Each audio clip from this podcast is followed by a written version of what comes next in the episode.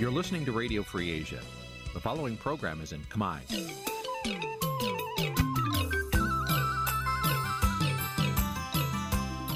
Nǐ chi càm bi tiệp xáy vệt chiu a zì sê នេះជាកម្មវិធីផ្សាយរបស់ Vithu Azisari ជាភាសាខ្មែរ វិទ្យុអាស៊ីសេរីសូមស្វាគមន៍លោកអ្នកនាងទាំងអស់ពីរដ្ឋធានី Washington នៃសហរដ្ឋអាមេរិក ចាប់ពីរដ្ឋធានី Washington នាងខ្ញុំម៉ៅសុធានីសូមជម្រាបសួរលោកអ្នកស្ដាប់ទាំងអស់ជាទីមេត្រី ចាយើងខ្ញុំសូមជូនការផ្សាយសម្រាប់ព្រឹកថ្ងៃសុក្រ10កើតខែអាសាឍឆ្នាំខាលចត្វាស័កពុទ្ធសករាជ2566ហើយដល់ត្រូវនឹងថ្ងៃទី8ខែកក្កដាគ្រិស្តសករាជ2022ជាដំបូងនេះសូមអញ្ជើញលោកអ្នកនាងកញ្ញាស្ដាប់ព័ត៌មានប្រចាំថ្ងៃដែលមានមេត្តាដូចតទៅ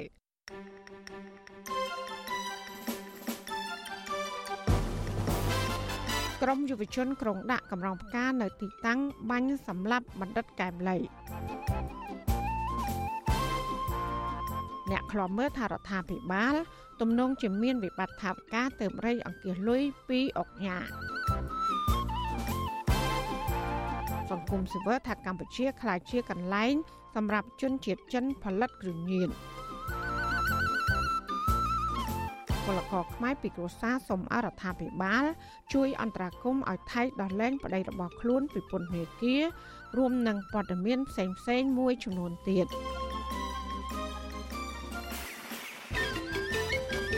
ចាជាបន្តទៅទៀតនេះនាងខ្ញុំម៉ៅសុធានីសូមជូនព័ត៌មានទាំងនោះពឺស្ដាប់ ចាលោកអានីងជាទីមេត្រីក្រមយុវជន សមាគមនិងអង្គការសង្គមស៊ីវិលត្រៀមរៀបចំពិធីកាន់ទុកចំពោះខួបមរណភាព6ឆ្នាំលោកបណ្ឌិតកែមលីនិងស្នើសុំអាជ្ញាធរបញ្ឈប់ការរារាំងសកម្មភាពនេះដូចជាឆ្នាំមុនមុនពួកគេថាការកាន់ទុកនេះគឺធ្វើឡើងគ្រាន់តែដើម្បីរំលឹកពីវីរភាព និងគោរពសេចក្តីក្លាហានរបស់បណ្ឌិតកែមលីចាប់ពីរដ្ឋធានី Washington លោកសនច័ន្ទរដ្ឋារាយការណ៍ព័ត៌មាននេះ ក្រមយុវជននិងសមាគមអង្គការសង្គមស៊ីវិលកំពុងរៀបចំពិធីកាន់ទុកបណ្ឌិតកែមលីនៅថ្ងៃទី10ខែកក្កដាឆ្នាំនេះសកម្មជនចលនាមេដាធម្មជាតិកញ្ញាភូនកែវរស្មីប្រាវិទ្យាអាស៊ីសេរីថ្ងៃទី7ខែកក្កដានេះថាកញ្ញានឹងស្លៀកសម្លៀកបំពាក់ពណ៌សចងបោពណ៌ខ្មៅនិងការរូបថតបណ្ឌិតកែមលីដើរដោយជើងទទេចេញពីទីតាំងមួយ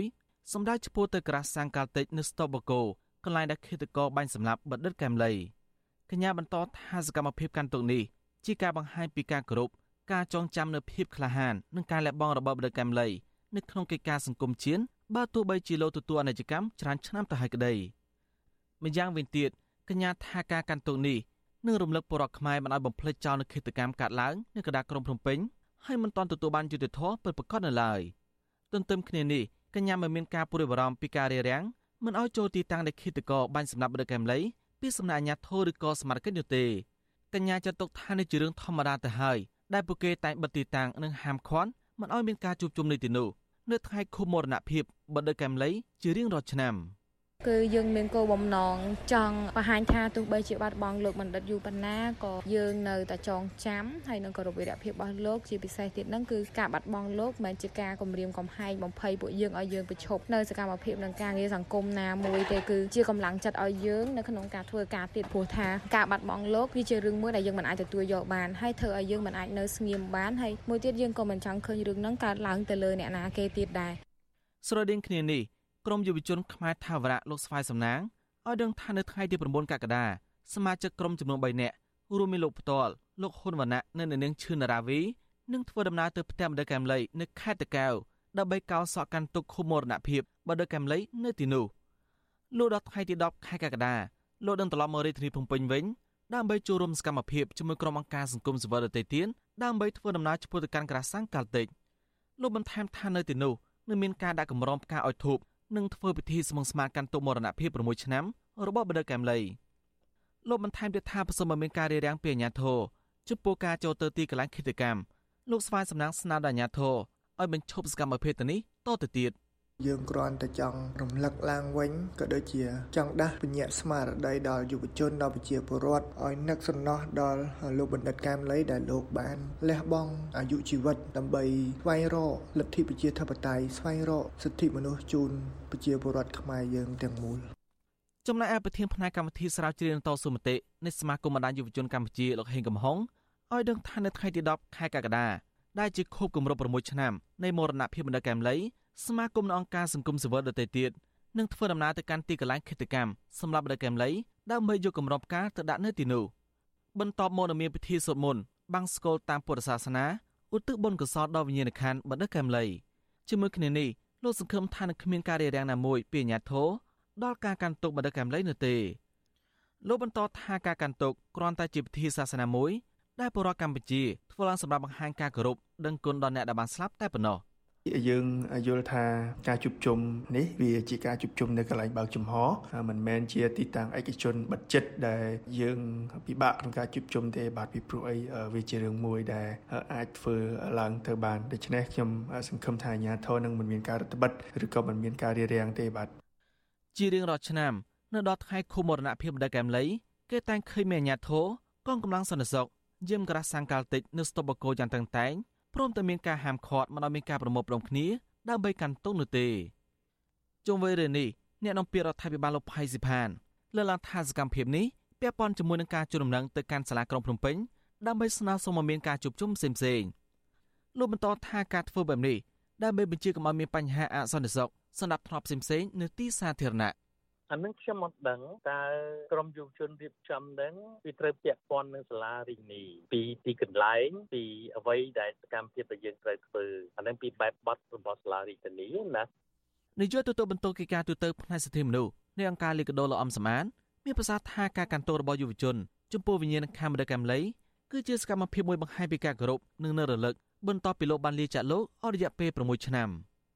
លោកបន្តថាប្រសិនបើមានការរារាំងណាមួយពីសំណាក់អាជ្ញាធរទៅលើសកម្មភាពកាន់ទុកនេះវានឹងបង្ហាញពីការបំពានសិទ្ធិមានជំនឿតាមបែបសាសនារបស់បុរដ្ឋត្បិតថាការកាន់ទុកនេះគឺជាជំនឿមួយក្នុងពុទ្ធសាសនាដែលជាសាសនារបស់រដ្ឋ អញ្ចឹងការសម្ដែងនៃការកាន់ទុកនេះវាជាការកាន់ទុកនៃមរណភាពនៃការបាញ់សម្លាប់លោកបណ្ឌិតកែមលីក៏ដូចជាការសម្ដែងក្នុងការទៀមទាស្វែងរកយុត្តិធម៌ពេញលេញសម្រាប់លោកបណ្ឌិតកែមលីផងដែរហើយមួយទៀតក៏ជាការរំលឹកឡើងវិញដើម្បីឲ្យអ្នកនិយមលោកបណ្ឌិតកែមលីក៏ដូចជាបងប្អូនប្រជាពលរដ្ឋបានចងចាំនៅវីរភាពដ៏អស្ចារ្យរបស់លោកបណ្ឌិតកែមលីដែលកន្លងមកបានបន្សល់ទុកជាច្រើនសម្រាប់យុវជនក៏ដូចជាបងប្អូនប្រជាពលរដ្ឋ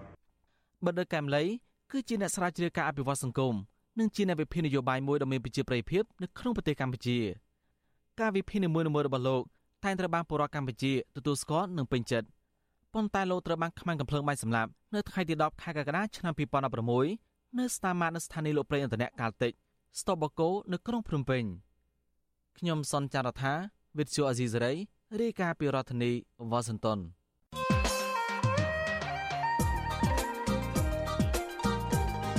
ចាលោកដានៀងកញ្ញាជាទីមេត្រីលោកបណ្ឌិតកែមលីធ្លាប់ធ្វើជាវាគ្មិនមួយរូបដែលមានទស្សនវិស័យវែងឆ្ងាយការវិភាគស្ថានភាពទុកជាមុនរបស់លោកមួយចំនួន នៅតែអាចឆ្លុះបញ្ចាំងពីស្ថានភាពបច្ចុប្បន្ននិងទៅអនាគតរបស់កម្ពុជា ចានៅថ្ងៃសុក្រទី8ខែកក្កដានេះវិទ្យុអសីស្រីនៅមានរៀបចំនីតិវេទិកាអ្នកស្ដាប់ពិសេសមួយឧទ្ទិសដល់លោកបណ្ឌិតកែមលីចាលោកជុនច័ន្ទបុតនិងសម្រាប់សម្រួលវេទិកានេះដោយមានការចូលរួមពីវាគ្មិនកិត្តិយសគឺលោកបណ្ឌិតកែមលីតាមរយៈខ្សែវីដេអូដែលបានដកស្រង់ចេញពីវេទិកាអ្នកស្ដាប់នានាដែលលោកធ្លាប់ធ្វើជាវាគ្មិននៅគ្រាដែលលោកនៅមានជីវិតនៅឡើយ តើលោកបណ្ឌិតកែមលីធ្លាប់ផ្ដល់ការវិភាគបែបណាតាក់ទងនឹងបញ្ហាសំខាន់សំខាន់មួយចំនួន ដូចជាបញ្ហាភ្លើងអគ្គិសនី បញ្ហាដីសម្បត្តិសេដ្ឋកិច្ចបញ្ហាព្រំដែននិងទឹកដីខ្មែរកម្ពុជាក្រោមតើលោកបណ្ឌិតកែមលីធ្លាប់មានទស្សនៈបែបណាចំពោះការត្រៀមផ្ទេរតំណែងនាយករដ្ឋមន្ត្រី ពីលោកហ៊ុនសែនទៅឲ្យកូនប្រុសច្បងរបស់លោក ចាសសូមអញ្ជើញលោកណានៀងរងចាំតាមដានជួបលោកបណ្ឌិតកែមលីក្នុងនេតិជាវគ្គមិនកិត្តិយសជាថ្មីម្ដងទៀតនារាត្រីថ្ងៃសុក្រនេះកុំបីអខានចាសសូមអរគុណ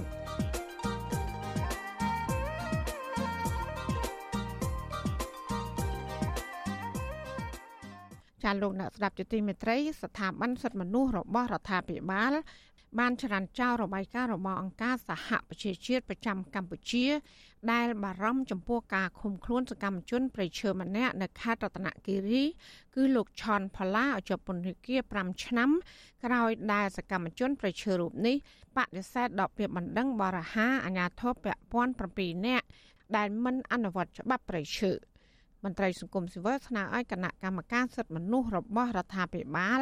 គួរតែចោះស្រាវជ្រាវរកការពិតជាមុនសិនមុននឹងបដិសេធឬក៏ច្រានចោលរបាយការណ៍នេះចាលោកទីនសាករាយារីកាព័ត៌មាននេះអ្នកនាំពាក្យគណៈកម្មាធិការសិទ្ធិមនុស្សរដ្ឋាភិបាលលោកកតាអនប្រាប់វិទ្យុអសិរ័យនៅថ្ងៃទី6កក្កដាថាការចាប់ប្រកាន់នឹងការផ្ដន្ទាទោសកម្មជនប្រៃឈើលោកឆនផល្លាគឺជាការអនុវត្តច្បាប់ផ្អែកតាមអង្គហេតុនិងអង្គច្បាប់ដែលតុលាការមានភ័ស្តុតាងគ្រប់គ្រាន់ដាក់បន្ទុកលោកអះអាងថាសំណុំរឿងនេះកំពុងស្ថិតនៅក្នុងដំណើរការនីតិវិធីរបស់តុលាការ ដោយពុំមានលេចចេញនៅករណីរំលោភសិទ្ធិមនុស្សអ្វីនោះទេលោកបដិសេធថារបាយការណ៍របស់អង្គការសហប្រជាជាតិប្រចាំនៅកម្ពុជាហាក់ដូចជាលោកដែលចូលជ្រៅក្នុងកិច្ចការរបស់តុលាការដែលលោកអះអាងថាកំពុងតែបំពេញភារកិច្ចដោយឯករាជ្យស្របតាមអង្គហេតុនិងអង្គច្បាប់យើងខ្ញុំ មិនបានឃើញថាចំណាត់ការរបស់សមាជិកឬមួយចំណាត់ការរបស់តុលាការវាលេចចេញនៅការរំលោភសិទ្ធិមនុស្សទេប៉ុន្តែទៅវិញចំណាត់ការរបស់សមាជិកនិងចំណាត់ការរបស់តុលាការពួកគេបានបំពេញនីតិវិធីត្រឹមត្រូវនៃអង្គហេតុនិងអង្គច្បាប់ការលើកឡើងរបស់កាល័យដល់សុំការឲ្យរដ្ឋាភិបាលធ្វើអញ្ចេះធ្វើអញ្ចោះខ្ញុំយល់ថាវាជាការលោកដៃជ្រៅគោះទួនាទីភារកិច្ចរបស់កាល័យបោះសង្កាសិទ្ធិមនុស្សនៅក្នុងកិច្ចសម្បត្តិការលើបច្ចេកទេសអំពីបញ្ហាសិទ្ធិមនុស្ស ប្រតិកម្មរបស់ស្ថាបនិកសិទ្ធិមនុស្សរដ្ឋាភិបាលកម្ពុជានេះធ្វើឡើងបន្ទាប់ពីការិយាល័យទទួលបន្ទុកសិទ្ធិមនុស្សនៃអង្គការសហប្រជាជាតិប្រចាំនៅកម្ពុជាព្រួយបារម្ភយ៉ាងខ្លាំងចំពោះការចាប់ប្រកាន់និងការឃុំខ្លួនសកម្មជនប្រៃឈើលោកឆនផល្លាអង្គការសហប្រជាជាតិបានចាត់ទុកទង្វើនេះថាជាការគំរាមកំហែងនិងរំលោភសិទ្ធិអ្នកការពារបរិស្ថានកាលពីថ្ងៃទី4កក្កដាការិយាល័យទទួលបន្ទុកសិទ្ធិមនុស្សនៃអង្គការសហប្រជាជាតិប្រចាំនៅកម្ពុជាបានផ្សាយរបាយការណ៍លើទំព័រ Facebook របស់ខ្លួន ដោយលើកឡើងថាលោកឆនផល្លាជាសកម្មជនការពារប្រៃឈើនិងធនធានធម្មជាតិបានចំណាយពេលជាង10ឆ្នាំចងក្រងឯកសារពាក់ព័ន្ធនឹងការបំផ្លាញប្រៃឈើនិងដាក់ពាក្យប្តឹងបរិហាអាជ្ញាធរដែលមិនបំពេញតួនាទីការពារប្រៃឈើនិងដីធ្លីរបាយការណ៍នេះបន្ថែមថាទោះបីជាលោកប្រឈមមុខនឹងអំពើហិង្សានិងការរើសអើងបែបណាក្តីក៏លោកឈុនផល្លាបន្តតស៊ូមតិការពារសិទ្ធិដីធ្លីរបស់ជនជាតិដើមភាគតិច និងការពារប្រៃឈើនៅក្នុងខេត្តរតនគិរីនិងខេត្តមណ្ឌលគិរីរបាយការណ៍ដដែលបន្ថែមថាការកំណត់គោលដៅលើជនជាតិដើមភាគតិចនិងអ្នកការពារសិទ្ធិមនុស្សតាមរយៈការគម្រិតកំហែងបំផិតបំភ័យនិងការចោទប្រកាន់ពីបទប្រមទ័នគឺជាក្តីបារម្ភមួយដែលអង្គការសហប្រជាជាតិចាត់ទុកករណីនេះថាជាការសងសឹកដោយផ្ទាល់ចំពោះសកម្មភាពស្របច្បាប់របស់សកម្មជនការពារប្រៃឈើ ខ្លឹមសាររបាយការណ៍នេះផ្អែកតាមអ្នកជំនាញសិទ្ធិមនុស្សរបស់អង្គការសហប្រជាជាតិទាំង5រូបដែលបានផ្ញើជូនរដ្ឋាភិបាលកម្ពុជាកាលពីខែឧសភាកន្លងទៅជំវិញរឿងនេះប្រធានសមាគមការពារសិទ្ធិមនុស្សអាត6លោកនីសុខាចាត់ទុករបាយការណ៍របស់អង្គការសហប្រជាជាតិគឺឆ្លុះបញ្ចាំងពីការពិតដែលលោកឆនផល្លាកំពុងតែរងភាពអយុត្តិធម៌ធ្ងន់ធ្ងរដោយសារតែលោកលះបង់ការពារភោគទ្រព្យរបស់ជាតិលោកថាបើពិនិត្យមើលពីអង្គហេតុនិងអង្គច្បាប់ លោកឆនផល្លាមិនបានប្រព្រឹត្តកំហុសដោយការចាប់ប្រកាន់របស់តុលាការនោះទេហើយនេះលោកអះអាងថាការកាត់ក្តីរបស់តុលាការដោយគ្មានភ័ស្តុតាងច្បាស់លាស់គឺឆ្លុះបញ្ចាំងពីការគំរាមកំហែងការបំផិតបំភ័យលើសកម្មជនការពារប្រៃឈើដែលលះបង់ការពារប្រយោជន៍ជាតិលោកស្នើឲ្យគណៈកម្មាធិការសិទ្ធិមនុស្សរបស់រដ្ឋាភិបាលមុននឹងបដិសេធរបាយការណ៍របស់អង្គការសហប្រជាជាតិគួរតែសិក្សាពីរឿងនេះឲ្យបានច្បាស់លាស់ជៀសវាងប្រតិកម្មភ្លាមៗដោយមិនទាន់ស្វែងរកការពិត ការកាត់សេចក្តីរបស់តុលាការដោយមិនបានផ្អែកទៅលើភ័ស្តុតាងដោយគ្មានភ័ស្តុតាងបញ្ជាក់អំពីការពិតចំពោះបញ្ហានឹងទាំងអស់នឹងទេហើយយើងមិនទាន់បានទៅទៅទៅរកការពិតឃើញផងហើយយើងទៅបដិសេធនៅរបាយការណ៍នេះខ្ញុំថាខ្ញុំស្នើគណៈកម្មការសិទ្ធិមនុស្សនេះគួរតែលោកពិចារណាហើយនឹងមើលផងអំពីករណីរំលោភសិទ្ធិមនុស្សដោយរឿងករណីលោកឆនផាឡានេះគឺគណៈកម្មការសិទ្ធិមនុស្សនឹងគួរតែទៅរកឲ្យឃើញនៅបញ្ហានឹងតើតើលោកកំពុងតែធ្វើគណៈកម្មការសិទ្ធិមនុស្សនឹងយ៉ាងម៉េចមកពីព្រោះអានេះវាជារឿងរំលោភសិទ្ធិធ្ងន់ធ្ងរណាស់ កាលពីថ្ងៃទី10វិច្ឆិកាឆ្លាដំបងខេត្តរតនគិរីបានប្រកាសសារក្រមផ្ដន្ទាទោសកម្មជនការពារប្រៃឈើលោកឆាន់ផល្លាដាក់ពន្ធនាគាររយៈពេល5ឆ្នាំពីបទកាប់គាស់រុករៀនឆ្កាដុតនិងឈូសឆាយដីព្រៃធ្វើជាកម្មសិទ្ធិផ្អែកតាមមាត្រា97នៃច្បាប់ស្តីពីព្រៃឈើហើយលោកឆាន់ផល្លាបានប្តឹងទាស់ទៅសាលាឧទ្ធររួចហើយប៉ុន្តែមកទល់ពេលនេះសំណុំរឿងនេះកំពុងស្ថិតនៅក្នុងដៃសាលាឧទ្ធរត្បូងឃ្មុំនៅឡើយ សកម្មជនការពារប្រៃឈើដែលមានប្រព័ន្ធជាជនជាតិដើមភាគតិចតំពួនខេត្តរតនគិរី គឺលោកឆនផល្លាវ័យជាង40ឆ្នាំរស់នៅភូមិសមុទ្រក្រោមឃុំសេដាស្រុកលំផាត់ខេត្តរតនគិរីអ្នកការពារប្រៃឈើរូបនេះក្លាហានប្តឹងបរិហាអាញាធរពាក់ព័ន្ធឈ្មោះឈើនិងមន្ត្រីជំនាញទៅតុលាការខេត្តរតនគិរីចំនួន10សំណុំរឿងមកហើយក្នុងនោះមាន3សំណុំរឿងសាលាដំបងខេត្តនេះតម្កល់ឥតចាត់ការ ហើយពួកគេបានប្តឹងទាស់ទៅសាលាធរត្បូងឃ្មុំវិញសំណុំរឿងទាំងនោះភាគច្រើនប្តឹងបរិហាអាញាធរពាក់ព័ន្ធ7រូបពីបទអនុគ្រោះបទល្មើសអក្រកម្មប្រៃឈើនិងមិនទប់ស្កាត់ការពារកាប់រៀនព្រៃខុសច្បាប់លោកឆុនផល្លាបានប្តឹងអភិបាលស្រុកលំផាត់លោកនូថេពីបទគំរាមប្រើហិង្សាលើគ្រួសាររបស់លោកប្រសិនបើតុលាការចាត់វិធានការតាមបណ្ដឹងរបស់លោកជនជាតិដើមភាគតិចចម្ពួនរស់នៅស្រុកលំផាត់ខេត្តរតនគិរីលោកខំនិនលើកឡើងថាសំណុំរឿងនេះ ជាល្បិចមូលបង្កាច់របស់អាជ្ញាធរនិងតុលាការដើម្បីគម្រាមកំហែងបំផិតបំភ័យចំពោះបរិវត្តដែលក្លាហានការពារប្រៃឈើនិងដីធ្លីលោកថាអាជ្ញាធរខេត្តរតនគិរីមិនពេញចិត្តនឹងសកម្មភាពរបស់លោកឈុនផល្លានោះទេទើបប្រើល្បិចទម្លាក់កំហុសយ៉ាងអយុត្តិធម៌ផ្ទុយពីក្រុមអក្រិតជនដែលកាប់ឈើនិងទន្ទ្រានដីព្រៃអស់រាប់ពាន់ហិកតាក្តី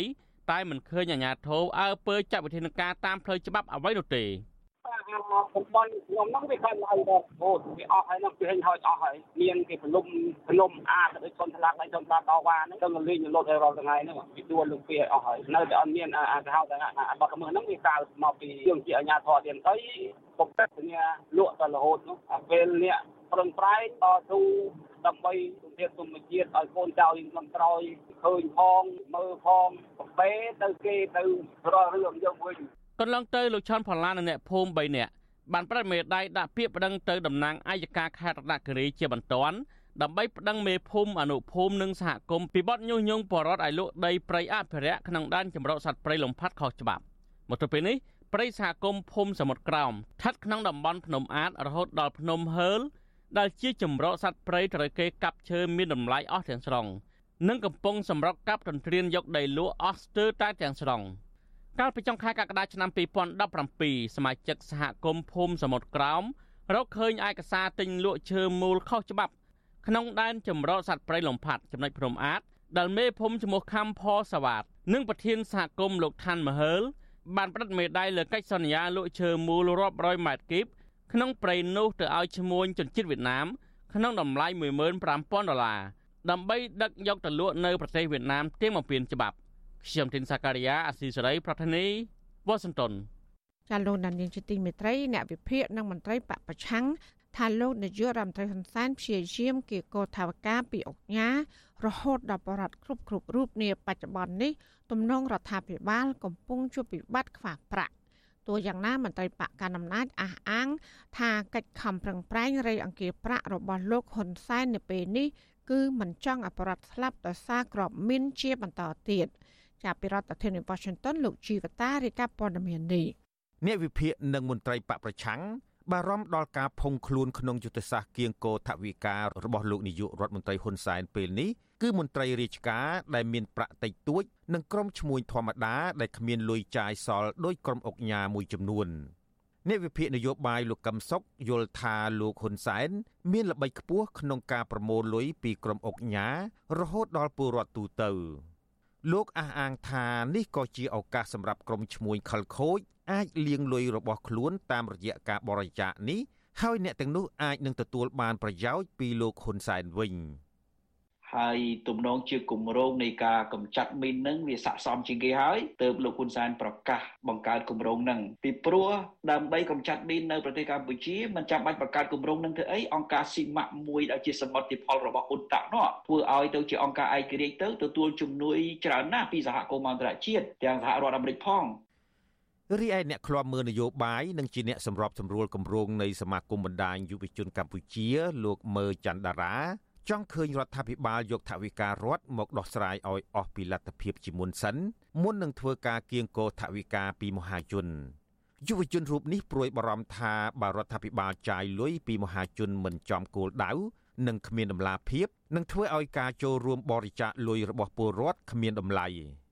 ខ្ញុំជឿជាក់ថាបើគ្រប់គ្រងឲ្យថាវិការជាតិមានប្រសិទ្ធភាពបាទមានតម្លាភាពមានគណនេយ្យភាពហើយខ្ញុំជឿជាក់យ៉ាងមុតមមថាយើងនឹងមិនចាំបាច់ទៅការការរៃអង្គាសថាវិការការបងពុនពីវិស័យទេសចរហើយនឹងការប្រមូលភូមិផ្សេងផ្សេងពីអគ្គនាយកដ្ឋានពុទ្ធតានេះខ្ញុំមើលឃើញថាមានការលើសគោលដៅរហូតដល់ទៅជាង40 50%ខ្ញុំគិតថាលុយទាំងអស់ហ្នឹងយើងអាចប្រវល់ចំណែកអនុប្រធានគណៈបកសង្គ្រោះជាតិប្រចាំខេត្តកំពង់ឆ្នាំងលោកដួងចន្ទ្រាដែលកំពុងភៀសខ្លួននៅប្រទេសថៃ យល់ថារដ្ឋាភិបាលលោកហ៊ុនសែនអាចកំពុងខ្សែធនដោយខ្វះលុយបើកប្រាក់ខែឲ្យមន្ត្រីរាជការនិងគ្មានថវិកាសម្រាប់ដោះមីនដែលនៅសេសសល់លោកបន្តថារដ្ឋាភិបាលតែងអួតអាងថាប្រមូលពន្ធបានលើសផែនការស្ទើររៀងរាល់ឆ្នាំប៉ុន្តែរដ្ឋាភិបាលលោកហ៊ុនសែនតែងដើរខ្ចីលុយបរទេសជាពិសេសខ្ចីលុយចិនមន្ត្រីបកប្រឆាំងរូបនេះជំរុញទៅរដ្ឋាភិបាលលោកហ៊ុនសែនឲ្យងាកមកដើរលើគន្លងផ្លូវប្រជាធិបតេយ្យឡើងវិញ ដើម្បីឲ្យសហភាពអឺរ៉ុបនិងសហរដ្ឋអាមេរិកផ្ដល់ប្រព័ន្ធអនុគ្រោះពន្ធពេញលេញមកកម្ពុជាវិញធ្វើឲ្យកម្ពុជាយើងពុំមានអីពឹងពរក្រៅពីការខ្ចីលុយគេមកប្រើប្រាស់តែប៉ុណ្ណឹងហើយនៅពេលដែលខ្ចីគេមិនបាន មានតែរៃអង្គាសពីអ្នកមានសេដ្ឋីអុកញ៉ានៅកម្ពុជាដើម្បីជួយឧបត្ថម្ភជាទឹកចុងក្រោយតែប៉ុណ្ណឹងការបញ្ចេញប្រតិកម្មរបស់អ្នកវិភាគនិងមន្ត្រីបកប្រឆាំងនេះកើតឡើងក្រោយពេលលោកនាយករដ្ឋមន្ត្រីហ៊ុនសែន លើកឡើងម្ដងហើយម្ដងទៀតស្នើទៅអុកញ៉ារហូតដល់ពលរដ្ឋទូទៅឲ្យជួយបរិច្ចាគលុយជួយរដ្ឋាភិបាល ក្នុងការបោសសម្អាតមីននៅកម្ពុជា លោកអះអាងថាពេលនេះរដ្ឋាភិបាលទទួលបានលុយពីក្រុមអុកញ៉ាជិត15លានដុល្លារហើយទោះជាយ៉ាងណាលោកនាយករដ្ឋមន្ត្រីហ៊ុនសែនកាលពីថ្ងៃទី6កក្កដាបានស្ដីបន្ទោសទៅមន្ត្រីពិធីការរបស់លោកម្នាក់គឺលោកសេងទៀងថាមិនបានបង្កើតគណនីបន្ថែម សម្រាប់ឲ្យពលរដ្ឋទូទៅឬអ្នករកស៊ីធម្មតាអាចចូលរួមក្នុងការបរិច្ចាគនេះតែអ្នកដែលគេចង់ចូល50000 100000 20000ទៅតាមសទ្ធាជ្រះថ្លាដែលគេចង់រួមចំណែកធ្វើឲ្យប្រទេសនេះលែងមានគ្រោះថ្នាក់ដោយសារក្របមីនអត់តន់មានណាដឹងថាកុំមកដល់កន្លែងណាជឿទៅបើកទៅហើយប្រកាសទៅតែវាមិនព្រមធ្វើវិទ្យុអាស៊ីសេរីមិនទាន់អាចសុំការបំភ្លឺរឿងនេះពីអគ្គនាយកមជ្ឈមណ្ឌលសកម្មភាពកម្ចាត់មីនកម្ពុជា លោកហេងរតនានិងអ្នកនាំពាក្យរដ្ឋាភិបាលលោកផៃស៊ីផានបានទេនៅថ្ងៃទី7ខែកក្កដាទោះជាយ៉ាងណា អនុប្រធានទី1នៃអាញាធមីន គឺលោកលីធុចបានប្រាប់សារព័ត៌មាន Fresh News ថាថវិកាដែលទទួលបានពីការបរិច្ចាគអាញាធមីនបានយកទៅប្រើប្រាស់ជាបន្តបន្ទាប់ក្នុងសកម្មភាពបោសសម្អាតគ្រាប់មីនចំណែកអ្នកនាំពាក្យគណៈបកប្រជាជនកម្ពុជាលោកសុកអេសាន ប្រាប់វិទ្យុអាស៊ីសេរីថា អ្នកដែលរិះគន់រឿងនេះព្រោះអ្នកទាំងនោះចង់ឃើញពលរដ្ឋបន្តស្លាប់ដោយសារគ្រាប់មីនហើយយកការបាត់បង់អាយុជីវិតពលរដ្ឋនេះដើម្បីវាយប្រហាររដ្ឋាភិបាលបើទោះជាមន្ត្រីជាន់ខ្ពស់បកកាន់អំណាចរូបនេះគាំទ្រនឹងកោតសរសើរការផ្ដួចផ្ដើមនៃការរៃអង្គាសលុយនេះថាជាចេតនាល្អរបស់លោកនាយករដ្ឋមន្ត្រីហ៊ុនសែនក្នុងការជួយសង្គ្រោះអាយុជីវិតពលរដ្ឋឲ្យរួចផុតពីគ្រាប់មីនក្តីក៏ខ្លួនលោកផ្ទាល់មិនទាន់បានចូលរួមបរិច្ចាគថវិកានៅឡើយទេ ព្រោះលោកថាគ្មានលទ្ធភាពអ្នកមានលទ្ធភាពមួយចំនួនធំដែលចេះតែផ្ដល់នៅភាពចិត្តទៀនដល់ជ្រះថ្លាពីទ្រព្យសម្បត្តិតខ្លួននេះយើងជាការឆ្លុះបញ្ចាំងឲ្យឃើញពីការគ្រប់គ្រងនៅនយោបាយសង្គ្រោះអាយុជីវិតរបស់ប្រជាជនរបស់រដ្ឋាភិបាលទាំងវាបានបងប្អូនអ្នកដែលមានលទ្ធភាពជួយតាំងពីលុយច្រើនរហូតដល់លុយតិច ខ្ញុំអត់បានចូលរួមទេទៅតាមលទ្ធភាពហ្នឹងយើងចូលរួមតែការមានមតិឆ្លើយនឹងសំណួរអាស៊ីសេរីហ្នឹងគឺថាវាជាការចូលរួមមួយហើយបាទនេះគឺជាការបរិច្ចាគថវិកាទ្រង់ទ្រាយធំជាលើកទី4ហើយបន្ទាប់ពីមានការរៃអង្គាសថវិកាតាមការអំពាវនាវរបស់រដ្ឋាភិបាលសម្រាប់ជួយជនរងគ្រោះដោយទឹកជំនន់កាលពីខែតុលានិងការរៃអង្គាសថវិកាដើម្បីត្រៀមទិញវ៉ាក់សាំងកាលពីខែធ្នូឆ្នាំ2020 ព្រមទាំងការដោះស្រាយបញ្ហាកូវីដកាលពីឆ្នាំ2021ខ្ញុំជីវិតាអាស៊ីសេរីអាស៊ីសេរីលោកនាងកញ្ញាកំពុងស្ដាប់ការផ្សាយរបស់វិទ្យុអាស៊ីសេរីផ្សាយចេញពីរដ្ឋធានី Washington មន្ត្រីអង្គការសង្គមស៊ីវិលនិងអ្នកវិភាគរិះគន់អាញាធរដ្ឋាភិបាលថាគ្មានឆន្ទៈអនុវត្តគោលនយោបាយទប់ស្កាត់ករណីបាត់ល្មើសក្រតកម្មគ្រឿងញៀនទ្រង់ទ្រាយធំនៅកម្ពុជានោះឡើយ។ ប្រតិកម្មរបស់មន្ត្រីសង្គមស៊ីវិលនិងអ្នកវិភាគបែបនេះគឺធ្វើឡើងក្រោយពីសមត្ថកិច្ចបានបង្ក្រាបជនជាតិចិនចំនួន7នាក់បន្ថែមទៀតព្រមទាំងរឹបអូសសារធាតុគីមីផ្សំកែច្នៃទៅជាគ្រឿងញៀនប្រមាណចំនួន14តោនចាសសេចក្តីរាយការណ៍ពីស្ដាមពីរឿងនេះលោកណានៀងនឹងបានស្ដាប់នាពេលបន្តិចទៀតនេះ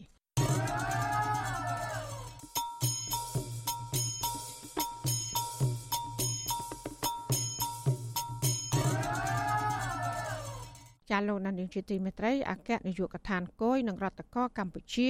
ប្រមូលពន្ធបាន76លានដុល្លារពីរថយន្តដែលគ្មានពន្ធកោនាំចូលមន្ត្រីសង្គមស៊ីវិលអបអរសាទរចំពោះការប្រមូលពន្ធនេះប៉ុន្តែសំណុំពរដល់រដ្ឋាភិបាលឲ្យចាត់វិធានការមឹងម៉ាត់ដើម្បីបញ្ឈប់ការនាំចូលរថយន្តចង្កូតស្ដាំ និងការប្រើប្រាស់រថយន្តកិច្ចពន្ធចានេះគឺជាសកម្មភាពរបស់លោកលេងម៉ាលីពីរដ្ឋធានី Washington ថ្លែងក្នុងសន្និសីទសារព័ត៌មានស្ដីពីលទ្ធផលនៃការអនុវត្តការប្រមូលពន្ធលើយានយន្តគ្មានពន្ធអគ្គនាយកនៃអគ្គនាយកដ្ឋានគយនិងរដ្ឋកោលោកគុណញឹមប្រកាសថាយុទ្ធនាការប្រមូលពន្ធអកលើយានយន្តដែលជ្រកក្រោមស្លាកលេខខុសច្បាប់ចាប់ពីខែកញ្ញាឆ្នាំ2021ដល់ខែមិថុនាឆ្នាំ2022បានប្រមូលពន្ធពីយានយន្តជិត10000គ្រឿងគិតជាទឹកប្រាក់ជាង76លានដុល្លារជាមួយគ្នានេះដែរ លោកបានប្រកាសពីការរៀបចំគោលការណ៍ថ្មីពីលោកហ៊ុនសែនដែលនឹងអនុញ្ញាតឲ្យយានយន្តចង្កូតស្ដាំអាចបងពុនដោយមិនបាច់កែចង្កូតស្ដាំទៅឆ្វេងវិញបានមានចំណុចជាច្រើនដែលយើងថាក្នុងដំណាក់កាលនេះយើងមិនតន់រុញឲ្យទៅជាបទអក្រិតតាមពិតបើតាមច្បាប់ហើយអនុវត្តតឹងរឹងខ្លាំងមែនទែនគឺត្រូវបញ្ជូនទៅតុលាការពីព្រោះបាត់ល្មើសដែលយើងរកឃើញនេះគឺមានពាក់ព័ន្ធទៅនឹងការបន្លំឬថាប្រើប្រាស់ឯកសារសាធារណៈខ្លាំងខ្លាយ កន្លងមកនៅក្នុងសន្និបាតបូកសរុបការងារឆ្នាំ2021របស់ក្រសួងមហាផ្ទៃលោកហ៊ុនសែនបានប្រមានដុតកំទេចចោលរថយន្តកិច្ចពន្ធបើសិនជាម្ចាស់រថយន្តមិនព្រមចូលបង់ពន្ធមុនថ្ងៃទី1ខែកក្កដាឆ្នាំ2022លោកក៏បានលើកឡើងដែរថា ម្ចាស់រថយន្តដែលកិច្ចពន្ធច្រើនជាអ្នកមានអំណាចហេតុនេះលោកអំពាវនាវដល់កងយុទ្ធពលខេមរៈភូមិន្ទសមាជិកសភាព្រឹទ្ធសភាមន្ត្រីរាជការនិងមន្ត្រីប៉ូលីសថា ត្រូវតែបង់ពន្ធរថយន្តរបស់ខ្លួនដែលប្រើប្រាស់ប្រចាំថ្ងៃនាយកប្រតិបត្តិនៃមជ្ឈមណ្ឌលប្រជាពលរដ្ឋដើម្បីអភិវឌ្ឍនិងសន្តិភាពលោកយងកំឯងគាំទ្រចំពោះវិធានការប្រមូលពន្ធលើយានយន្តមិនបានបង់ពន្ធកន្លងមកជាមួយគ្នានេះលោកក៏បានលើកឡើងថារដ្ឋត្រូវអនុវត្តច្បាប់ឲ្យបានម៉ឺងម៉ាត់និងស្មើភាពចំពោះពលរដ្ឋក្នុងការយកពន្ធលើយានយន្តដោយមិនត្រូវលើកលែងចំពោះមន្ត្រីធំធំទៀតឡើយ។ លោកសំណុំពរដល់រដ្ឋាភិបាលឲ្យប្រើប្រាស់ថវិកាបានពីការបង់ពន្ធឲ្យមានតម្លាភាពនិងមិនត្រូវអនុគ្រោះដល់ការនាំចូលយានយន្តចង្កូតស្ដាំឬការប្រើប្រាស់យានយន្តបន្លំឯកសារបន្តទៀតឡើយព្រោះវាអាចនាំឲ្យមានការនាំចូលយានយន្តចង្កូតស្ដាំឬការប្រើប្រាស់យានយន្តដោយមិនបង់ពន្ធនៅតែបន្តមានមន្ត្រីកាងឬក៏ប្រើប្រាស់រថយន្តចង្កូតស្ដាំអីហោហែឬក៏រថយន្តប្រមបងពួនអីហ្នឹងគឺត្រូវតែដាក់ទោសទណ្ឌបាទ ព្រោះមន្ត្រីគួរជាគំរូរបស់ជាពលរដ្ឋបើមន្ត្រីមិនធ្វើជាគំរូរបស់ជាពលរដ្ឋហើយយករដ្ឋគ្រាន់តែជាកន្លែងដើម្បីរកផលប្រយោជន៍អាហ្នឹងมันគួរជាមន្ត្រីណាបាទលោកនាយករដ្ឋមន្ត្រីហ៊ុនសែនប្រកាសកាលពីថ្ងៃទី6ខែកក្កដាថារថយន្តចង្កូតស្ដាំដែលមិនទាន់បង់ពន្ធមានចំនួនជាង6000គ្រឿងក្នុងនោះបានកែចង្កូតរួចចំនួន4000គ្រឿង និងមិនទាន់កាយចង្កូតមានចំនួន2500គ្រឿងអគ្គនាយកដ្ឋានគយនិងរដ្ឋកោកម្ពុជាទទួលស្គាល់ថាកន្លងមក មានជនខិលខូចមួយចំនួននៅតែអាចនាំចូលរថយន្តប្រភេទនេះចូលទឹកដីកម្ពុជាបានទោះជាយ៉ាងណាក្តីមន្ត្រីសង្គមស៊ីវិលនិងពលរដ្ឋពិនិត្យឃើញថាករណីរថយន្តចង្កូតស្ដាំខុសច្បាប់នៅតែមានការនាំចូលជាបន្តបន្ទាប់តាមច្រកព្រំដែនជាមួយប្រទេសជិតខាងដោយសារតែអំពើពុករលួយ។ ខ្ញុំបាទលេងម៉ាលីវិទ្យុអាស៊ីសេរីរាយការណ៍ពីរដ្ឋធានី Washington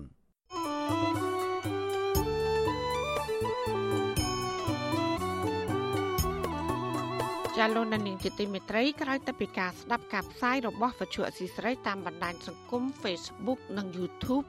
លោកនាងកញ្ញាក៏អាចស្ដាប់ការផ្សាយរបស់យើង តាមរយៈរលក ធាតុអាកាសខ្លីឬ short wave ដូចតទៅ ចាប់ពីព្រឹកចាប់ពីម៉ោង5កន្លះដល់ម៉ោង6កន្លះ គឺតាមរយៈរលកធាតុអាកាសខ្លី12140 kHz ស្មើនឹងកម្ពស់ 25m និង13715 kHz ស្មើនឹងកម្ពស់ 22m ចាសសម្រាប់ពេលយប់វិញគឺចាប់ពីម៉ោង7កន្លះដល់ម៉ោង8កន្លះគឺតាមរយៈរលកធាតុអាកាសខ្លី9960 kHz ស្មើនឹងកម្ពស់ 30m 12140 kHz ស្មើនឹងកម្ពស់ 25m ហើយនឹង11885 kHz ស្មើនឹងកម្ពស់ 25m ចាសសូមអរគុណ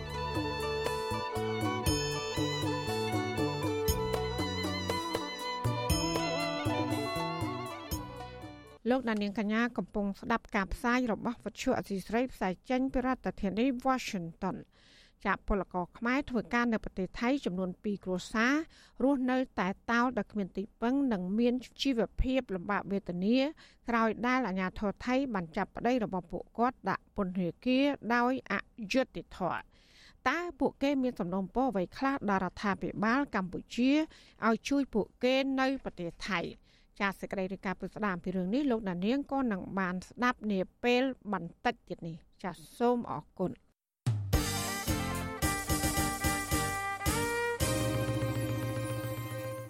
ចាលោកអ្នកស្ដាប់ជាទីមេត្រីនៅឯខេត្តបន្ទាយមានជ័យឯនោះវិញប្រជាកសិករនៅខេត្តនេះត្អូញត្អែពីបញ្ហាគ្មានទឹកធ្វើស្រែប្រាំងបន្ទាប់ពីស្រូវប្រាំងរាប់ពាន់ហិកតានៅឃុំមួយចំនួន នៅក្នុងស្រុកមង្គលបុរីប្រឈមការខូចខាត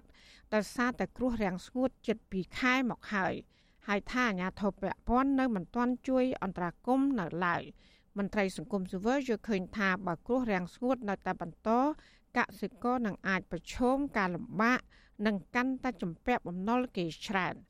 ចាសសូមស្ដាប់សេចក្តីរាយការណ៍របស់លោកជាតិចំណានជំវិញព័ត៌មាននេះប្រជាកសិករនៅក្នុងស្រុកមង្គលបុរីខេត្តបន្ទាយមានជ័យសោកស្ដាយចំពោះស្រូវប្រាំងរបស់ពួកគាត់ជួបគ្រោះរាំងស្ងួតដែលបណ្ដាលឲ្យស្រូវរាប់ពាន់ហិកតាងាប់ប្រជាកសិករនៅក្នុងឃុំសឿ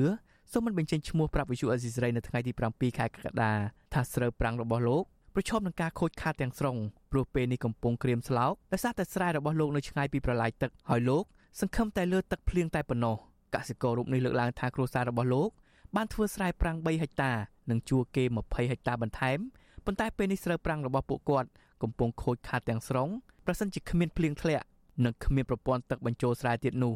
លោកបន្តថាឆ្នាំនេះលោកនិងអ្នកភូមិកំពុងជួបការលំបាកខ្លាំងព្រោះស្រូវខូចខាតច្រើនទំនិញក៏ឡើងថ្លៃទៀត ដែលអាចនឹងមានសមាជិកគ្រួសារនិងអ្នកភូមិធ្វើចំណាក់ស្រុកដោយសារតែបញ្ហានេះនៅទឹកមិនមានតែអត់មិនមាននៅតែយើងគេទៅលាកឲ្យមកតាមបលាយតិចទៅបូមទៅបានតែនេះតាមមាត់បលាយមាត់បលាយយ៉ាងនេះឆ្ងាយឆ្ងាយគេនៅតែអត់នៅតែងាប់ដែរត្រូវតែទឹកដែលគេទៅលាកឲ្យមកតិចតិចបូមបានដាក់វេននេះបូម មកឃុំញាក់បាន5ថ្ងៃមកឃុំ5ថ្ងៃ5ថ្ងៃយើងធ្លាក់មកតាមបលាយហ្នឹងប៉ុន្តែនេះបូមបានតាមមាត់បលាយគៀវគៀវព្រេងតិចតិចហ្នឹងហ្នឹងឯងអត់នេះឆ្ងាយឆ្ងាយអត់ដែរទឹកហ្នឹងវាមិនគ្រប់គ្រាន់ទេទឹកវាមកតិចទៅបូមបានតែ1ម៉ោង2ម៉ោងអស់អញ្ចឹងទៅខ្លះបានទៅខ្លះអត់អញ្ចឹងឯនៅតែអត់ទឹកដែរនៅតែជួបប្រទេសនៅអាការរៀងស្ងួតដែរហ្នឹងកសិករដដែលអំពាវនាវដល់រដ្ឋាភិបាលនិងស្ថាប័នពាក់ព័ន្ធឲ្យរៀបចំប្រព័ន្ធទឹកនិងស្ដារអាងកំពេញពួយឡើងវិញដើម្បីឲ្យមានទឹកគ្រប់គ្រាន់ក្នុងការធ្វើកសិកម្ម ដែលអាចជួយដោះស្រាយទុក្ខលំបាករបស់ប្រជាកសិករនៅក្នុងស្រុកមង្គលបុរីចំណែកប្រជាកសិករម្នាក់ទៀតលោកប្រាក់សឿនប្រាប់វិសុអាស៊ីសេរីថាដោយសារតែបញ្ហារាំងស្ងួតខ្លាំងធ្វើឲ្យប៉ះពាល់ដល់ស្រូវប្រាំងរបស់លោកនិងអ្នកភូមិជាច្រើនរយគ្រួសារលោកបន្ថែមថាពលរដ្ឋដែលមានស្រែនៅឆ្ងាយពីប្រឡាយកំពុងប្រឈមមុខចំពោះបញ្ហារាំងស្ងួតនេះលោកបញ្ជាក់ថាប្រសិនបើឆ្នាំនេះនៅតែគ្មានភ្លៀងធ្លាក់ទាំងលោកនិងអ្នកភូមិនឹងប្រឈមបញ្ហាបំណុលនិងជីវភាពប្រចាំថ្ងៃ ព្រោះបន្ទុកគ្រួសារនឹងការចំណាយមានការកើនឡើងខ្លាំងដោយសារតែទំនិញនៅលើទីផ្សារបន្តហក់ឡើង។ និយាយទៅមកជួដងទៅចាប់ពីគុំលវីមកស្រុកបវលខាងស្រុកបវលខេត្តបាត់ដំបងប៉ុន្តែគឺខ្ញុំជាប់នឹងព្រមទទួលគុំលវីចាប់ពីគឺនៅរហូតចំណោមទៅហាត់ទៅទៅដល់បត់ត្រង់តែនេះគឺថាទឹកវាសពថ្ងៃនេះគឺខំលើទឹកទឹក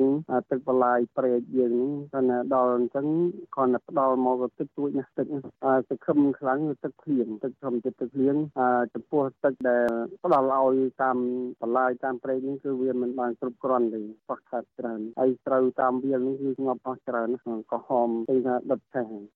តកតងនឹងបញ្ហានេះវិសុអសិស្រ័យមិនអាចតាក់ទងប្រធានមន្ត្រីកសិកម្មរុក្ខាប្រមាញ់និងនេសាទលោកប៉ាងវណ្ណាសេតប្រធានមន្ត្រីទុនធានទឹកនិងអូតូនិយមខេត្តបន្ទាយមានជ័យលោកយមប៊ុនរំនិងអភិបាលស្រុកមង្គលបុរីលោករតដាស៊ីណងបានទេដោយសារតែទូរស័ព្ទចូលតែគ្មានអ្នកទទួលទោះជាយ៉ាងណាប្រជាពលរដ្ឋនិងមន្ត្រីសង្គមស៊ីវិលនៅតែទទូចដល់រដ្ឋាភិបាលគួរតែជួយសម្រួលនិងធ្វើផែនការច្បាស់លាស់ជាងមុន ដើម្បីដោះស្រាយបញ្ហាប្រឈមនានាពីគ្រោះធម្មជាតិជុំវិញរឿងនេះមន្ត្រីសម្របសម្រួលសមាគមការពារសិទ្ធិមនុស្សអាត់ហុកខេត្តបន្ទាយមានជ័យលោកស៊ុំច័ន្ទគាលើកឡើងថាស្រុកមង្គលបុរីជួបគ្រោះធម្មជាតិរាល់ឆ្នាំ ពេលមានភ្លៀងគឺមានទឹកជំនន់ហើយពេលគ្មានភ្លៀងគឺរាំងស្ងួតដូច្នេះរដ្ឋត្រូវមានការទទួលខុសត្រូវជាបន្ទាន់ព្រោះបញ្ហានេះជារឿងកើតឡើងដដែលដដែលលោកបន្តថារដ្ឋមានកាតព្វកិច្ចក្នុងការដោះស្រាយបញ្ហាហើយមិនត្រូវយកករណីប្រធានសាក់យកមកដាក់មុខ គ្រាន់ជាការគិតវេះនោះទេនឹងត្រូវធានាឲ្យពលរដ្ឋទទួលបានសិទ្ធិរស់នៅដោយសមរម្យលោកបន្ថែមថារដ្ឋាភិបាលត្រូវមានយុទ្ធសាស្ត្រដោះស្រាយបញ្ហាយូរអង្វែងគោលការណ៍ច្បាស់លាស់ក្នុងការកែប្រែឬជួយពលរដ្ឋដើម្បីឲ្យពួកគេ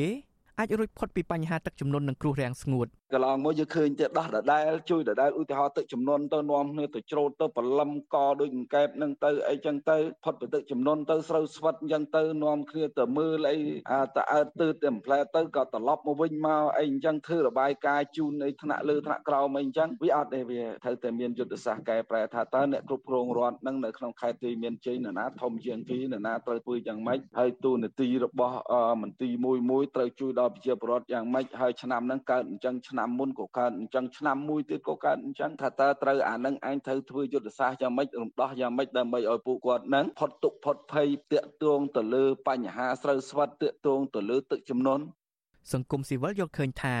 ដ្ឋាភិបាលគួរមានផែនការទប់ស្កាត់គ្រោះធម្មជាតិយូរអង្វែងជាជាងពេលមានបញ្ហាមកដល់ទើបរៀបចំការងារជួយសង្គ្រោះពលរដ្ឋសម្រាប់ពលរដ្ឋវិញពួកគាត់ក៏ចង់ឃើញអាជ្ញាធររដ្ឋទាំងថ្នាក់មូលដ្ឋាននិងថ្នាក់ជាតិ រិះរកយន្តការជួយពួកគាត់ឲ្យទាន់ពេលវេលាដែរខ្ញុំបាទជាចំណាន Visual Assisray ពីរដ្ឋធានី Washington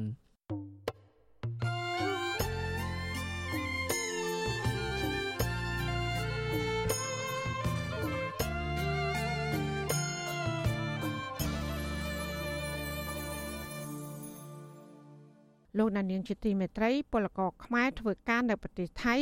ចំនួន2គ្រួសាររស់នៅ តែតោលដោយគ្មានទីពឹង និងមានជីវភាពលំបាកវេទនាក្រោយពីអាញាធរថៃ បានចាប់ប្តីរបស់ពួកគាត់ដាក់ពន្ធនាគារដោយអយុត្តិធម៌កាលពីខែកុម្ភៈកន្លងទៅនេះពួកគេអំពាវនាវអរដ្ឋាភិបាលជួយអន្តរាគមន៍ទៅអាជ្ញាធរថៃឲ្យដោះលែងប្តីរបស់ពួកគេឲ្យមានសេរីភាពឡើងវិញ ដើម្បីរកប្រាក់ចំណូលដោះស្រាយជីវភាពក្នុងគ្រួសារ ចាលោកសេកបណ្ឌិត មានសក្តិរកាពុស្ដាអំពីជីវិតពលករខ្មែរដែលកំពុងរស់នៅប្រទេសថៃដូចតទៅពលករខ្មែរពីរគ្រួសារដែលប្តីកំពុងជាប់ឃុំនៅក្នុងពន្ធនាគារក្នុងប្រទេសថៃធ្វើការងារដោយស្របច្បាប់នៅខេត្តឈុនបុរីហើយសពថ្ងៃពួកគេរស់នៅក្នុងស្ថានភាពតោកយ៉ាក្នុងនោះស្ត្រីម្នាក់បានសម្រេចចិត្តនាំកូនអាយុប្រហែល5ឆ្នាំត្រឡប់ទៅប្រទេសកម្ពុជាវិញចោលប្តីនៅក្នុងពន្ធនាគារ ដោយសារបារម្ភពីសុវត្ថិភាពផ្ទាល់ខ្លួន និងគ្មានប្រាក់ចាយវាយនៅក្នុងប្រទេសថៃចំណែកពលករមួយគ្រួសារទៀតស្នាក់នៅជាមួយកូនអាយុក្រោម13ឆ្នាំ2នាក់ក្នុងបន្ទប់តូចមួយ ធ្វើពីឈើនៅចំកណ្ដាលចំការកៅស៊ូនិងដងព្រេងនៅទីជនបទដាច់ស្រយាលក្នុងខេត្តឈុនបុរី ដែលមានចម្ងាយជាង100គីឡូម៉ែត្រពីទីក្រុងបាងកកតំបន់នោះមានពលករខ្មែរជិត10គ្រួសារ រស់នៅក្នុងបន្ទប់ជាប់ជាប់គ្នា ដោយមានគ្រែធ្វើពីឈើមួយ សម្រាប់អង្គុយលេង និងធ្វើម្ហូបនៅខាងមុខទ្វារចេញចូលបន្ទប់ដេកពលករទាំងពីរគ្រួសារនេះប្តីត្រូវបានអាជ្ញាធរថៃចាប់ខ្លួនកាលពីថ្ងៃទី24ខែកុម្ភៈឆ្នាំ2022ដោយថៅកែជួនជាតិថៃប្តឹងអាជ្ញាធរថៃឲ្យចាប់ខ្លួន ពីបទលួចផ្លែដូងប្រេងលក់ប៉ុន្តែពួកគេបានបដិសេធចំពោះការចោទប្រកាន់នេះ។ ពលករមានស្រុកកំណើតនៅស្រុករវៀងខេត្តព្រះវិហារលោកស្រីមេតបូរីរៀបរាប់ប្រាប់បទសុអសីសេរីទាំងទឹកភ្នែកថាកន្លែងដែលលោកស្រីស្នាក់នៅនេះ ជាកន្លែងថ្មី ដែលលោកស្រីទើបតែមកធ្វើការបានជិត3ខែប៉ុណ្ណោះស្ត្រីសម្បល់ស្រអែមរៀងស្ដើងទៀបរូបនេះនិយាយបន្តដោយទឹកមុខស្រពាប់ស្រពោនថា ចាប់តាំងពីអាញាធរថៃចាប់ប្តីលោកស្រីយកទៅដាក់ពន្ធនាគារមក លោកស្រីរស់នៅជាមួយនឹងកូនប្រុសអាយុ7ឆ្នាំម្នាក់និងកូនស្រីអាយុ13ឆ្នាំម្នាក់ដោយមិនសូវបានធ្វើការងារជាប់លាប់នោះទេដោយសារតែខ្វល់ខ្វាយពីប្តីនៅក្នុងពន្ធនាគារនិងគ្មានកម្លាំងកំហែងធ្វើការងារដោយពេលមុននោះឡើយស្ត្រីវ័យ39ឆ្នាំរូបនេះបន្តដោយសម្ដីមួយមួយថាអាញាធរថៃចាប់ប្តីរបស់លោកស្រី និងពលរដ្ឋខ្មែរម្នាក់ទៀតដាក់ពន្ធនាគារដោយអយុត្តិធម៌ ព្រោះពួកគេមិនបានលួចផ្លែដូងប្រេងរបស់ជនជាតិថៃដោយការចោទប្រកាន់នោះឡើយខ្ញុំសុំវល់តកែតកែគេមិនដឹងធ្វើលឺដើរកិច្ចពីខ្ញុំខ្ញុំសុំវល់គិតកិច្ចពីខ្ញុំហ្មងចំពះចោទថាលួចប៉ាមគេលក់មួយតន9000បាតតែប្តេជ្ញាលក់លុតពួកខ្ញុំខ្ញុំថាខ្ញុំប្រែខ្ញុំបានលក់ប៉ាមទេអាចារ្យពួកហងលាក់ថាខ្ញុំមិនបានលាក់ទេប្រែខ្ញុំយកខ្ញុំប្រាប់ថាយកបានយកទេសលុតពួកខ្ញុំដប់ប៉ាមនឹងសលុត ខ្ញុំអត់បាយមួយថ្ងៃអត់បានហូបបាយទេដែលពិបាកចិត្តរឿងប្តីលោកស្រីបន្តថាចាប់តាំងពីប្តីជាប់ពន្ធនាគារមក លោកស្រីនិងកូនរស់នៅដោយទឹកភ្នែករៀងរាល់ថ្ងៃជាពិសេសនៅពេលយប់គាត់បានយំអោបកូនដោយសារស្រណោះប្តីដែលត្រូវជាប់ពន្ធនាគារដោយអយុត្តិធម៌លោកប្រាប់ថាសពថ្ងៃនេះ លោកស្រីគ្មានប្រាក់ទិញស្បៀងអាហារហូបចុកនោះទេ ស្របពេលដែលកូនរបស់លោកស្រី កំពុងរៀនបឋមសិក្សានៅប្រទេសថៃទាំងពីរនាក់ទៀតលោកស្រីបញ្ជាក់ថាប្រសិនបើលោកស្រីមានមេធាវីការពារក្តីនៅតុលាការនោះប្តីរបស់លោកស្រីនឹងមិនជាប់ពន្ធនាគារយូរអង្វែងបែបនេះឡើយលោកស្រីប្រាប់ថាចាប់តាំងពីអាញាធរថៃចាប់ប្តីដាក់ពន្ធនាគារមកគ្មានមន្ត្រីស្ថានទូតខ្មែរណាម្នាក់អើពើជួយដល់គ្រួសាររបស់លោកស្រីនោះទេលំបាកពូអត់ណាវេទនាណារឿងថ្ងៃនេះ ខ្ញុំសងៃគ្មានលុយខ្លួន100ទេដឹងឈឺដល់តែងប់មកមានលុយមើលទេរឿងថ្ងៃនេះខ្ញុំវេទនាណាស់អត់ប្តីរយើងនៅស្រីយើងយកប្តីដើម្បីពឹងប្តីពូដល់ពេលប្តីក្បាប់អញ្ចឹងធ្វើម៉េចខ្ញុំរត់ធួខ្ញុំផងតែខ្ញុំវេទនាណាស់រឿងថ្ងៃនេះខ្ញុំធ្វើការមួយថ្ងៃខ្ញុំហូបមួយថ្ងៃគ្រុនឈឺខ្ញុំមិនហ៊ានឈប់ទេអត់ហូបខ្ញុំទៅទាំងឈឺទាំងគ្រុនជួយរដ្ឋធម៌ប្តីខ្ញុំចាប់អញ្ចឹងផងមិនចាំកូនចាំប្រពន្ធជួបជុំពុនកូន ពលករខ្មែរទាំងពីរគ្រួសារដែលថៅកែប្តឹងឲ្យអាជ្ញាធរថៃចាប់ដាក់ពន្ធនាគារនេះម្នាក់ឈ្មោះជ័យមុំអាយុ40ឆ្នាំ មានស្រុកកំណើតនៅខេត្តព្រះវិហារនិងម្នាក់ទៀតឈ្មោះសៀមម៉ាស់អាយុ29ឆ្នាំ មានស្រុកកំណើតនៅខេត្តសៀមរាបពួកគេត្រូវបានអាជ្ញាធរថៃចាប់ដាក់ពន្ធនាគារកាលពីថ្ងៃទី24កុម្ភៈកន្លងទៅ ដោយចោទប្រកាន់ពីបទលួចផ្លែដូងប្រេងប្រមាណ1តោនក្នុងពេលធ្វើការងារនៅក្នុងខេត្តឈុនបុរីនោះបងប្រុសជន់ជាប់ឃុំ លោកសៀមម៉ាស់គឺលោកសៀមសិទ្ធថ្លែងក្នុងទឹកមុខស្រពបស្រពោនថា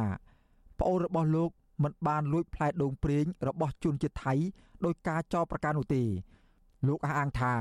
ប្អូនរបស់លោក ជាមនុស្សស្លូតបូតហើយមិនធ្លាប់លួចទ្រព្យសម្បត្តិរបស់អ្នកដទៃឡើយ បរោះវ័យ43ឆ្នាំសម្បល់ស្រអែមរៀងស្គមល្អិតរូបនេះ បានបន្តដោយសម្ដីមួយមួយថា ប្អូនថ្លៃរបស់លោក បាននាំកូនប្រុសអាយុប្រមាណ5ឆ្នាំ ត្រឡប់ទៅកម្ពុជាវិញ កាលពីខែឧសភាកន្លងទៅ ដោយសារព្រួយបារម្ភពីសុវត្ថិភាព និងមិនអាចធ្វើការងាររកប្រាក់ដោះស្រាយជីវភាពគ្រួសារនៅប្រទេសថៃបានលោកស្នើសុំឲ្យមន្ត្រីស្ថានទូតខ្មែរប្រចាំនៅប្រទេសថៃនិងរដ្ឋាភិបាលខ្មែរ ជួយអន្តរាគមន៍ដោះលែងប្អូនលោកឲ្យមានសេរីភាពមកវិញដើម្បីធ្វើការងាររកប្រាក់ចិញ្ចឹមជីវិត និងទ្រទ្រង់ជីវភាពគ្រួសារវាវិទ្យាវាកំសត់តែថាមកទីគីឲ្យខំខេតខំនេះមកជិបគូយកទៀតក៏អូបងសត់ណាធានានិយាយគឺចង់តែស្រកទឹកគ្នាខ្ញុំសត់អូជីវភាពវាក្រខ្វះខាតមួយនេះគឺមានបញ្ហាទៀតជិបគូជិបច្បាក់ទៀត ខ្ញុំថាវាកំសត់ណាតែមកតែសុខសบายទៅវាមិនសុខសบายទៅគឺជិបគូជិបច្បាក់តកតទៅនឹងបញ្ហានេះអគ្គកុងស៊ុលស្ថានទូតខ្មែរប្រចាំនៅប្រទេសថៃលោកផៃឡូនប្រាប់បទសុអសីស្រីថាលោកបានទទួលដំណឹងដែលអាជ្ញាធរចាប់ខ្លួនពលករខ្មែរទាំងនោះដែរប៉ុន្តែលោកថាការយឺតយ៉ាវក្នុងការជួយដល់ពួកគាត់នោះដោយសារតែទូរស័ព្ទទៅគ្រួសារមិនអាចតាក់ទងបានរហូតមកទល់នឹងពេលនេះលោកបញ្ជាក់ថា ក្រោយពីទទួលដំណឹងនេះមន្ត្រីស្ថានទូតនឹងចុះទៅស្រាវជ្រាវដល់ទីតាំងពលករខ្មែររស់នៅក្នុងពេលឆាប់ឆាប់ជាមួយខ្ញុំតាក់ទងទៅទូរស័ព្ទគាត់ជំនាញដំបងសិនពួកគាត់មិនតាទៀតមកវាបាត់ពលមានហើយយើងតាក់ទងឡើងបានវិញមានរឿងវាបញ្ហាវាច្រើនដល់ពេលអញ្ចឹងទៅយើងមិនអាចនេះអស់ទេដល់ពេលតាក់ទងឡើងបានព្យាយាមទៅពីរបីដងក៏មានរឿងថ្មីមកទៀតអារឿងហ្នឹងវាដូចយើងថាស្មានតែគាត់ចេញទៅខ្មែរឬក៏ដោះលែងអីចឹងព្រោះដងព្រៃមិនអីខំដុំចង់និយាយចឹងណាបាទហើយមិនដឹងថាវា គេគុំខ្លួនអីរហូតដល់ពេលហ្នឹងទៀតជុំវិញរឿងនេះមន្ត្រីគម្រោងនៃអង្គការសង្ត្រាល់ប្រចាំនៅប្រទេសថៃលោកលឹងសុផុនដែលបានចុះស្រាវជ្រាវផ្ទាល់ដល់ទីតាំងពលករខ្មែរស្នាក់នៅឲ្យដឹងថាការចាប់ពលករខ្មែរទាំងពីរនាក់ដាក់ពន្ធនាគារនេះគឺជារឿងអយុត្តិធម៌ដែលរដ្ឋាភិបាលខ្មែរគួរតែជួយអន្តរាគមន៍ទៅអាជ្ញាធរថៃឲ្យដោះលែងពួកគេឲ្យមានសេរីភាពមកវិញលោកបញ្ជាក់ថាការដែលពលករចាញ់ក្តីនៅក្នុងតុលាការប្រទេសថៃនេះ ដោយសារតែពួកគេមិនចេះច្បាប់ និងគ្មានមេធាវីការពីក្តីនៅតុលាការតែការចោតប្រកាន់ហ្នឹងបងប្អូនពលករហ្នឹងគាត់ក៏មិនមិនដឹងថាចោតប្រកាន់រឿងអីដែរតែគាត់ធ្វើការសុកសុកស្រាប់តែតកាហ្នឹងយកទៅចាប់យកគាត់ទៅដាក់គុកណាបាទហើយបើតាមខ្ញុំវាវាជារឿងយុត្តិធម៌សម្រាប់បងប្អូនខ្មែរយើងដែលគាត់ធ្វើការហើយគាត់មិនទាំងទៅចេះអសរអីផងហើយណាមួយក៏មិនដឹងថាយកទៅលក់នៅកន្លែងណាទៀតហើយ យកគាត់ទៅចាប់ដាក់គុកហើយវាវាជារឿងអយុត្តិធម៌មួយដែរសម្រាប់បងប្អូនយើងនៅក្នុងស្រុកថៃណាបាទលោកលឹងសុផុនបន្តថាពលករខ្មែរធ្វើការនៅប្រទេសថៃតែងតែត្រូវបានថៅកែនិងជួនជាតិថៃប្តឹងអាជ្ញាធរថៃឲ្យចាប់ដាក់ពន្ធនាគារជាច្រើនករណីហើយភ ieck ច្រើនពួកគេបានចាញ់ក្តីនិងជាប់ពន្ធនាគារដោយអយុត្តិធម៌លោកមើលឃើញថាបញ្ហាទាំងនេះកើតឡើងដោយសារតែពលករខ្មែរទាំងនោះគ្មានមេធាវីការពារក្តីក្នុងតុលាការ កាលពីខែធ្នូឆ្នាំ2020មានពលករខ្មែរមួយគ្រួសារមានគ្នា3នាក់ប្តីប្រពន្ធនិងកូនក៏ត្រូវបានថៅកែដំឡូងមីជួនជាតិថៃនៅប្រជិនបុរីយកកំភ្លើងខ្លីបាញ់គំរាមសម្លាប់ដោយសារខឹងពួកគេសូមច្បាប់ទៅលេខស្រុកកំណើតថៅកែថៃបានចោទប្រកាន់ពលករខ្មែរមួយគ្រួសារនោះថាបានជំពាក់ប្រាក់ថ្លៃធ្វើលិខិតឆ្លងដែនមិនទាន់បានសងគ្រប់គ្រាន់នៅឡើយប៉ុន្តែពលករខ្មែរអះអាងថា មូលហេតុដែលពួកគេសុំទៅកម្ពុជាវិញ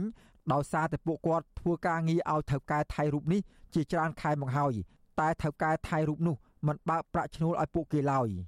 ពលករមួយគ្រួសារនេះបាននាំប្រពន្ធនិងកូនរត់ចេញពីកន្លែងធ្វើការទាំងយប់នៅថ្ងៃកើតហេតុនោះតែម្ដង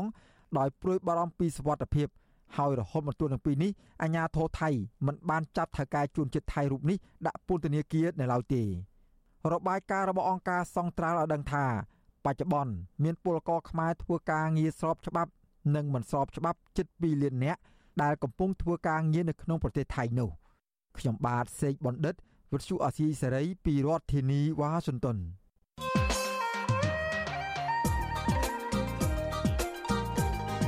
ចាលោកដានៀងកញ្ញាជាទីមេត្រីលោកបណ្ឌិតកែមលីធ្លាប់ធ្វើជាវាគ្មិនមួយរូបដែលមានទស្សនវិស័យវែងឆ្ងាយ ការវិភាគស្ថានភាពទុកជាមុនរបស់លោកមួយចំនួន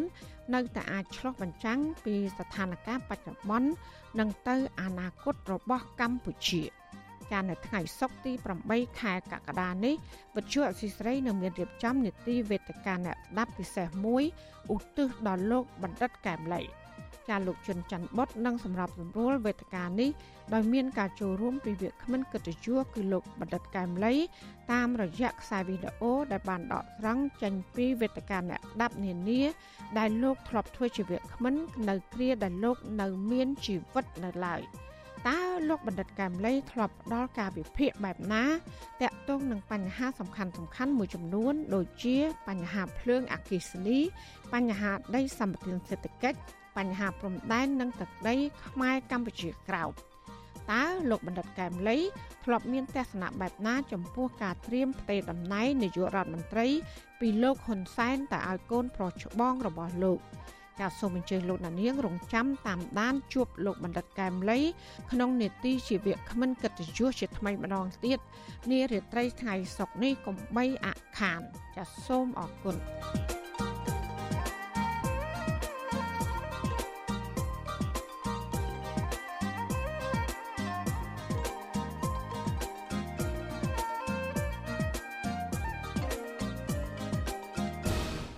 ចាលោកអ្នកស្ដាប់ទទីមេត្រីមន្ត្រីអង្គការសង្គមស៊ីវិលនិងអ្នកវិភាគរិះគន់ថាអាញាធរដ្ឋាភិបាលគ្មានឆន្ទៈអនុវត្តគោលនយោបាយក្នុងការទប់ស្កាត់ករណីបាត់ល្មើសក្រិតកម្មគ្រឿងញៀនដែលជាហេតុធ្វើឲ្យជនជាតិចិន បន្តយកទឹកដីខ្មែរសម្រាប់ធ្វើជាកន្លែងផលិតគ្រឿងញៀនជាបន្តបន្ទាប់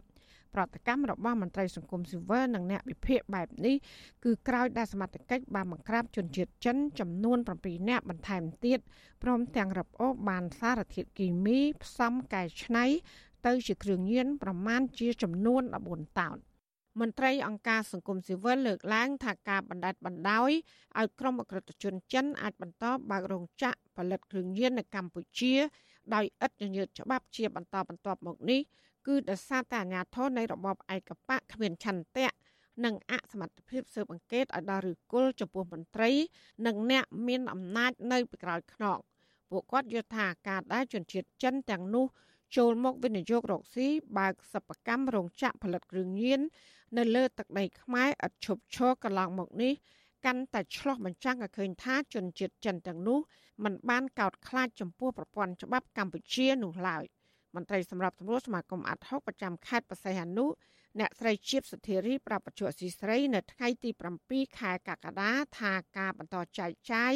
និងការបើករោងចក្រពីសំណាក់ក្រុមក្រិតជន ដើម្បីផលិតគ្រឿងញៀននេះបានធ្វើឲ្យប្រជាប្រដ្ឋទូទៅនៅក្នុងខេត្តបារម្ភជាខ្លាំងអ្នកស្រីបន្តថាករណីបាត់ល្មើសគ្រឿងញៀននៅក្នុងខេត្តនេះនៅតែមិនមានភាពថមថយទេដោយសារតែការចរាចរណ៍នៃគ្រឿងញៀន បានរាយសាយភាយតាំងពីទីក្រុងរហូតដល់ទីជនបទអ្នកស្រីបារម្ភថាបើការនាំចូលសារធាតុញៀនមកកម្ពុជា នៅតែបន្តកើតមានយ៉ាងគំហុកបែបនេះគឺនឹងបង្កផលប៉ះពាល់សង្គមកាន់តែខ្លាំងជាពិសេសគឺតកតងនឹងករណីចាប់ចម្រិតនិងការប្រើអំពើហិង្សាជាដើម។ ហើយរាល់គ្រឿងញៀនដែលយើងរឹបអូសយកបានគួរតែធ្វើការបំផ្លាញហើយពេលខ្លះយើងព្រួយបារម្ភថានៅពេលដែលចាប់បានច្រើនអញ្ចឹងតើយកទៅរក្សាទុកនៅកន្លែងយើងខ្លាចមានអាការលួចយកចេញថែមទៀតព្រោះកន្លងមកតាមដែលខ្ញុំធ្លាប់ដឹងគឺថាអ្នកជួញដូរអូមានអ្នកខ្លះជាសមត្ថកិច្ចដែរអាហ្នឹងឯងដែលវាជាការព្រួយបារម្ភហើយបើសិនជាមានអ្នកដែលពាក់ព័ន្ធទៅនឹងការជួញដូរការធ្វើចរាចរណ៍ចែកចាយអីជាកម្លាំងសមត្ថកិច្ចសូមមេត្តាដាក់ទោសពួកគាត់ទៅកុំឲ្យមានការយោគយល់ឲ្យសោះទន្ទឹមគ្នានេះដែរនាយកប្រតិបត្តិនៃអង្គការតម្លាភាពកម្ពុជា លោកពេជ្រពិសីលើកឡើងថាជនជាតិចិន ដែលមកផលិតគ្រឿងញៀននៅកម្ពុជាជាបន្តបន្ទាប់មកនេះដោយសារតែក្រុមអក្រិតជនទាំងនោះបានដឹងថាប្រព័ន្ធនីតិរដ្ឋកម្ពុជា នៅមិនទាន់រឹងមាំនៅឡើយលោកបន្តថាករណីជនជាតិចិនបន្តនាំសារធាតុគីមីផ្សំកែច្នៃគ្រឿងញៀនដើម្បីបើករោងចក្រផលិតនៅកម្ពុជា ដោយឥតញញើតច្បាប់បែបនេះគឺអាចមានជាប់ពាក់ព័ន្ធនឹងអំពើលាងលុយកខ្វក់ហើយនឹងអំពើពុករលួយជាមួយនឹងអ្នកមានអំណាចនិងមន្ត្រីខលខូចមួយចំនួនចឹងក្រមអក្រិតជនអន្តរជាតិគិតថា នៅក្នុងដែនដីហ្នឹងគាត់ងាយស្រួលនៅក្នុងការធ្វើប្រតិបត្តិការផលិតក្តីនាំចេញក្តីឬក៏ចែកចាយក្តីគ្រឿងញៀនហ្នឹងទៅឲ្យក្រុមគោលដៅរបស់គាត់បើសិនជាកម្ពុជាយើងចង់ដោះខ្លួនចេញអំពីបញ្ជីប្រភេទតកតងទៅនឹងការប្រយុទ្ធប្រឆាំងទៅនឹងការលាងលុយកខ្វក់ហិរញ្ញប្បទានពេលវកម្មមួយជាដើមហ្នឹងយើងគួរតែនាំគ្នាអនុវត្តច្បាប់ហើយក្រាបបទល្មើសគ្រឿងញៀនហ្នឹងឲ្យជាប្រព័ន្ធ ប្រតិកម្មរបស់មន្ត្រីសង្គមស៊ីវិលបែបនេះក្រោយពីកម្លាំងសមត្ថកិច្ចចម្រុះបានបង្ក្រាបក្រុមអក្រិតជនគ្រឿងញៀនជនជាតិចិនចំនួន7នាក់បន្ថែមទៀតដែលពួកគេបាននាំចូលសារធាតុគីមីផ្សំកែប្រែទៅជាគ្រឿងញៀននិងបើករោងចក្រផលិតកែច្នៃក្នុងខេត្តបរសៃហនុគេហទំព័ររបស់អគ្គស្នងការដ្ឋាននគរបាលជាតិ កាលពីថ្ងៃទី5ខែកក្កដាបង្ហាញថាក្នុងការចោះបង្ក្រាបនៅទីតាំងកន្លែងសិប្បកម្មផលិតគ្រឿងញៀននោះសមត្ថកិច្ចរឹបអូសបានសារធាតុគីមីផ្សំទៅជាគ្រឿងញៀនចំនួនជាង14តោនក្រៅពីនេះក៏មានសម្ភារៈកែច្នៃក្នុងការផលិត រួមមានឆ្នាំងនិងកែវប្រតិកម្មសរុបចំនួន57គ្រឿងម៉ាស៊ីនភ្លើងចំនួន3គ្រឿងជើងតម្រធុងប្រតិកម្មចំនួន59គ្រឿង ម៉ូទ័រក្រឡុកចំនួន1គ្រឿងម៉ាស៊ីនប្រតិកម្មចំនួន5គ្រឿងព្រមទាំងឧបករណ៍កែច្នៃហើយនឹងធុងសម្រាប់ផ្ទុកគ្រឿងញៀនជិត300ធុងអាញាធរអាអាងថាមេខ្លោងនៃក្រមអក្រិតជនគ្រឿងញៀនទាំង7នាក់នោះសមត្ថកិច្ចបានកសាងសំណុំរឿងបញ្ជូនទៅកាន់សាលាដំបងខេត្តបរសៃអនុចាត់ការបន្តតាមនីតិវិធីរួចរាល់ហើយ ទោះជាយ៉ាងណាមន្ត្រីឃ្លាំមើលផ្នែកសិទ្ធិមនុស្សនៃសមាគមអាត់ហុកប្រចាំខេត្តបរសៃអនុអ្នកត្រីជាតិសុធារី ថាតឡាការខេត្តបរសៃអនុមិនបានប្រកាសសាលក្រមក្នុងការកាត់ទោសក្រុមក្រិតជនទាំងនោះជាសាធារណៈដើម្បីឲ្យប្រដ្ឋបានដឹងនិងមានជំនឿនោះឡើយអ្នកស្រីលើកឡើងថាករណីបាត់អក្រិតកម្មផ្សេងផ្សេងជាពិសេសករណីអក្រិតកម្មគ្រឿងញៀនត្រង់ទ្រាយធំបែបនេះហើយមិនត្រូវបានអាជ្ញាធរមានសមត្ថកិច្ច បង្ហាញពីដំណើរការក្នុងការអនុវត្តទោសលើជនល្មើសទាំងនោះឲ្យបានច្បាស់លាស់គឺជាមូលហេតុដែលធ្វើឲ្យមហាជនមានមន្ទិលទៅលើភាពមិនប្រក្រតីនៃប្រព័ន្ធច្បាប់កម្ពុជា។បច្ចុប្បន្នស៊ីស្រីមិនអាចតតងអគ្គស្នងការរងនគរបាលជាតិប្រឆាំងគ្រឿងញៀនលោកម៉ាក់ជីតូបរិយាអាញារងសាលាដំបងខេត្តបរសៃអនុលោកពេញពិសិដ្ឋនិងស្នងការនគរបាលខេត្តបរសៃអនុ លោកជួនណារិនដើម្បីសូមអត្ថាធិប្បាយរឿងនេះបានទេនៅថ្ងៃទី7ខែកក្កដាប៉ុន្តែលោកម៉ាក់ជីតូបានប្រាប់កាសែតក្នុងស្រុកថ្មីថ្មីនេះថាការបង្ក្រាបជនជាតិចិនទាំង7នាក់នោះសមត្ថកិច្ចទទួលបានតម្រុយសម្ងាត់និងធ្វើការតាមដានអស់រយៈពេលជាង2ខែមកហើយក្រៅពីនេះលោកក៏ធ្លាប់លើកឡើងប្រាប់បច្ចុប្បន្នស៊ីស្រី ថាកម្ពុជាគឺជាតំបន់មួយដែលក្រុមអក្រិតជនចង់ផលិតគ្រឿងញៀន តាក់ទងបញ្ហានេះដែរអ្នកវិភាគនយោបាយនិងសង្គមលោកកឹមសុខលើកឡើងថាករណីអ ுக ្រិតកម្មគ្រឿងញៀននៅកម្ពុជាកើតឡើងជាបន្តបន្ទាប់មកនេះគឺមានក្រុមអុកញ៉ានិងមន្ត្រីជាន់ខ្ពស់ក្នុងជួររបបឯកបកមានការលួចរកស៊ីជាប្រព័ន្ធដើម្បីយកលុយចំណេញពង្រឹងដល់គណៈបកកាន់អំណាចលោកលើកបែបនេះដោយសារតែលោកមើលឃើញថាកម្ពុជា ក្រោមការដឹកនាំរបស់លោកហ៊ុនសែនគឺមានមន្ត្រីអង្គការឈ្មួញជាច្រើនបានបើកអាជីវកម្មខុសច្បាប់ ក្នុងនោះរួមទាំងការជួញដូរគ្រឿងញៀនការបំផ្លាញធនធានធម្មជាតិហើយក្រុមអង្គការនិងមន្ត្រីទាំងនោះគឺគ្មានស្ថាប័នណាមួយស៊ើបអង្កេតហ៊ានចាប់ទោសអូសដំណើរនោះដែរខ្ញុំលើកឧទាហរណ៍តែ3ទេទី1កន្លងមកមានមន្ត្រីកងរាជអាវុធហត្ថមួយចំនួន ដែលត្រូវចោទប្រកាន់ពាក់ព័ន្ធទៅនឹងការជួញដូរគ្រឿងញៀនទី2លោកអុកញ៉ាគិតធៀងដែលជាបងប្រុសរបស់ អ្នកអង្គការគិតមេហើយមានការចោទប្រកាន់ពាក់ព័ន្ធពីការជួញដូរគ្រឿងញៀនដ៏ធំសម្បើមប៉ុន្តែមកដល់ពេលនេះគេសម្រួលឲ្យអង្គការគិតធៀងរស់នៅមានសេរីភាពសមល្មមដូចមិនមែនជាអ ுக ្រិតជន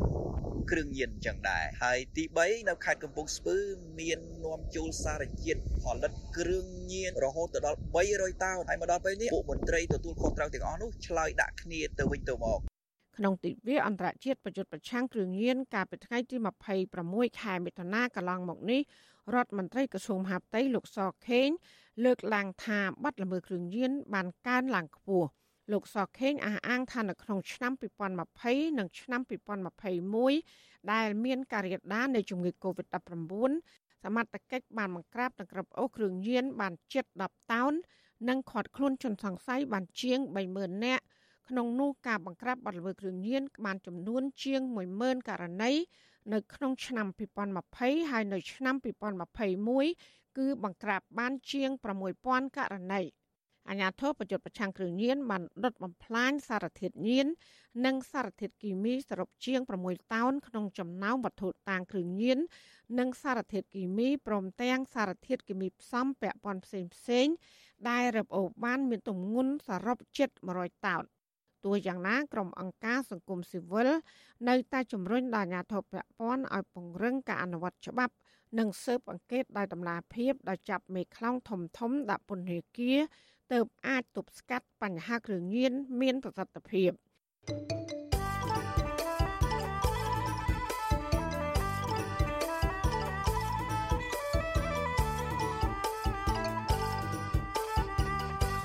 ចាលោកលានកញ្ញាអ្នកស្ដាប់ជាទីមេត្រីការផ្សាយរយៈពេល1ម៉ោងរបស់វិទ្យុអាស៊ីស្រីជាភាសាខ្មែរនៅពេលនេះចាប់តែប៉ុណ្ណេះ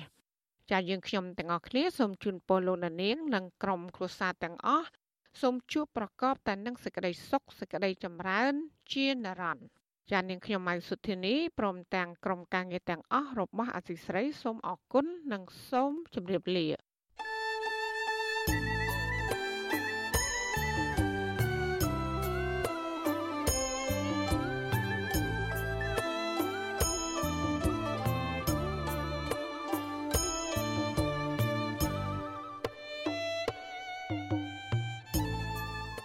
វិទ្យុអាស៊ីសេរីផ្សាយតាមរលក ធាតុអាកាសខ្លីឬ shortwave តាមកម្រិតនិងកម្ពស់ដូចតទៅនេះពេលព្រឹកចាប់ពីម៉ោង5កន្លះដល់ម៉ោង6កន្លះតាមរយៈរលកធាតុអាកាសខ្លី12140 kHz ស្មើនឹងកម្ពស់ 25m និង13715 kHz ស្មើនឹងកម្ពស់ 22m ពេលយប់ចាប់ពីម៉ោង7កន្លះដល់ម៉ោង8កន្លះតាមរយៈរលកធាតុអាកាសខ្លី 9960 kHz ស្មើនឹងកម្ពស់ 30m 12140 kHz ស្មើនឹងកម្ពស់ 25m និង11885 kHz ស្មើនឹងកម្ពស់ 25m លោកអ្នកនាងអាចស្ដាប់ការផ្សាយផ្ទាល់តាមប្រព័ន្ធអ៊ីនធឺណិតដោយចូលទៅកាន់គេហទំព័រ www.rfa.org/ ខ្មែរក្រៅពីនេះ លោកអ្នកនាងក៏អាចអាននិងទស្សនាព័ត៌មានវិទ្យុអេស៊ីសេរី